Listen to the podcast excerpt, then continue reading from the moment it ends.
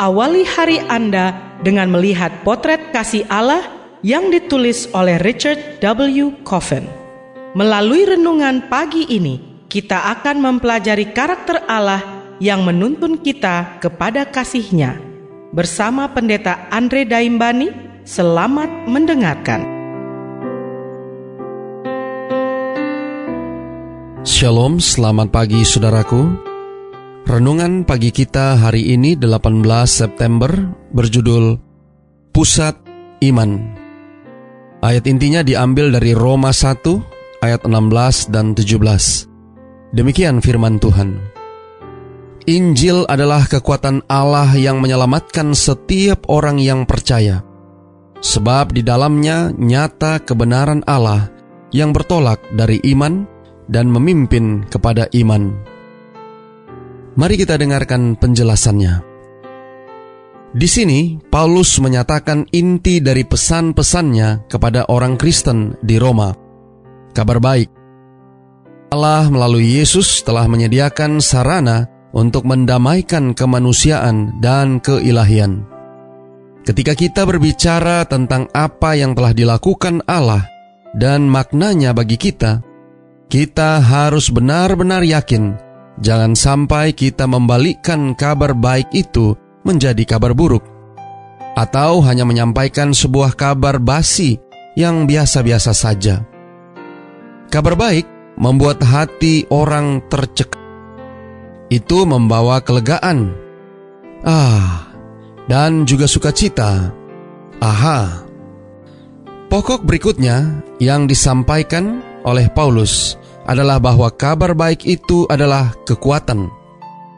Ada beragam jenis kekuatan: tenaga matahari, tenaga nuklir, tenaga uap, tenaga kuda, dan lain sebagainya. Tetapi Injil adalah jenis tenaga yang lain, kuasa ilahi yang membuat segala jenis kekuatan lainnya terlihat suram bila dibandingkan.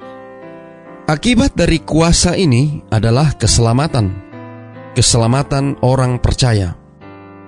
Paulus menggunakan bentuk kata Yunani present active participle. Artinya, ia merujuk pada orang-orang yang sedang percaya, mereka yang terus-menerus percaya. Percaya bukanlah sesuatu yang dialami satu kali kemudian dilupakan. Itu adalah sebuah gaya hidup yang di dalamnya terkandung iman kepada Allah selalu. Tapi iman bukanlah sebuah perbuatan yang menghasilkan keselamatan. Bukan iman manusia yang memberi kekuatan kepada Injil. Kuasa Injil lah yang memungkinkan manusia untuk percaya. Dikutip dari Anders Nigren, Commentary on Romans halaman 71. Melalui keselamatan itu, kebenaran Allah terungkap. Bukan kebenaran kita, tapi miliknya.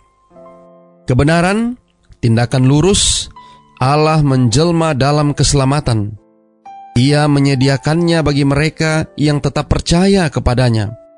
Keselamatan itu berdasarkan hubungan, bukan hukum atau perbuatan. Kata keselamatan menggambarkan pengalaman kita di dalam kebenaran Allah. Kebenaran Allah bertolak dari iman dan memimpin kepada iman. Di satu sisi, Kata-kata Paulus dapat berarti bahwa iman itu, yang pertama, sarana untuk menikmati keselamatan, dan yang kedua, tujuan tertinggi.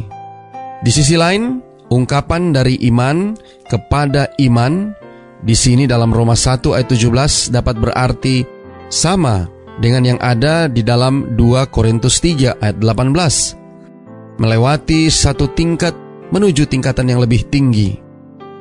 Iman dengan demikian berkembang menjadi lebih kuat dari iman awal menuju iman yang lebih dalam hingga menjadi gaya hidup. Saudara-saudara yang kekasih di dalam Tuhan, apa pun maksud Paulus yang terkandung di dalam pikirannya, tujuannya adalah ini: keselamatan dari awal hingga akhir adalah urusan percaya kepada Allah Keselamatan tidak dimulai dari iman dan berakhir dengan perbuatan. Iman seperti Yesus sendiri adalah awal dan akhir dari keselamatan. Doa kita hari ini. Bapa, terima kasih. Melalui renungan pagi ini, kami boleh belajar tentang satu hal yang penting, bagaimana iman kami berpusat. Terima kasih melalui renungan tadi pagi ini. tentang Kami boleh belajar Allah. tentang kabar baik Semoga firman yang Tuhan menuntun hari kepada ini keselamatan di dalam berkat iman. bagi Anda. Tolong Sampai kami hari jumpa. ini Bapa. Tuhan memberkati. Biarlah dengan pertolongan kuasa roh kudusmu, kami boleh dapat melihat potret kasih Allah dari renungan pagi ini yang menuntun kami untuk senantiasa memiliki iman yang berpusat kepada Yesus Kristus. Terima kasih Bapa. Inilah doa dan permohonan kami kepadamu. Semoga Tuhan senantiasa memberkati kita sekalian sepanjang hari ini saat kita melakukan aktivitas kita masing-masing.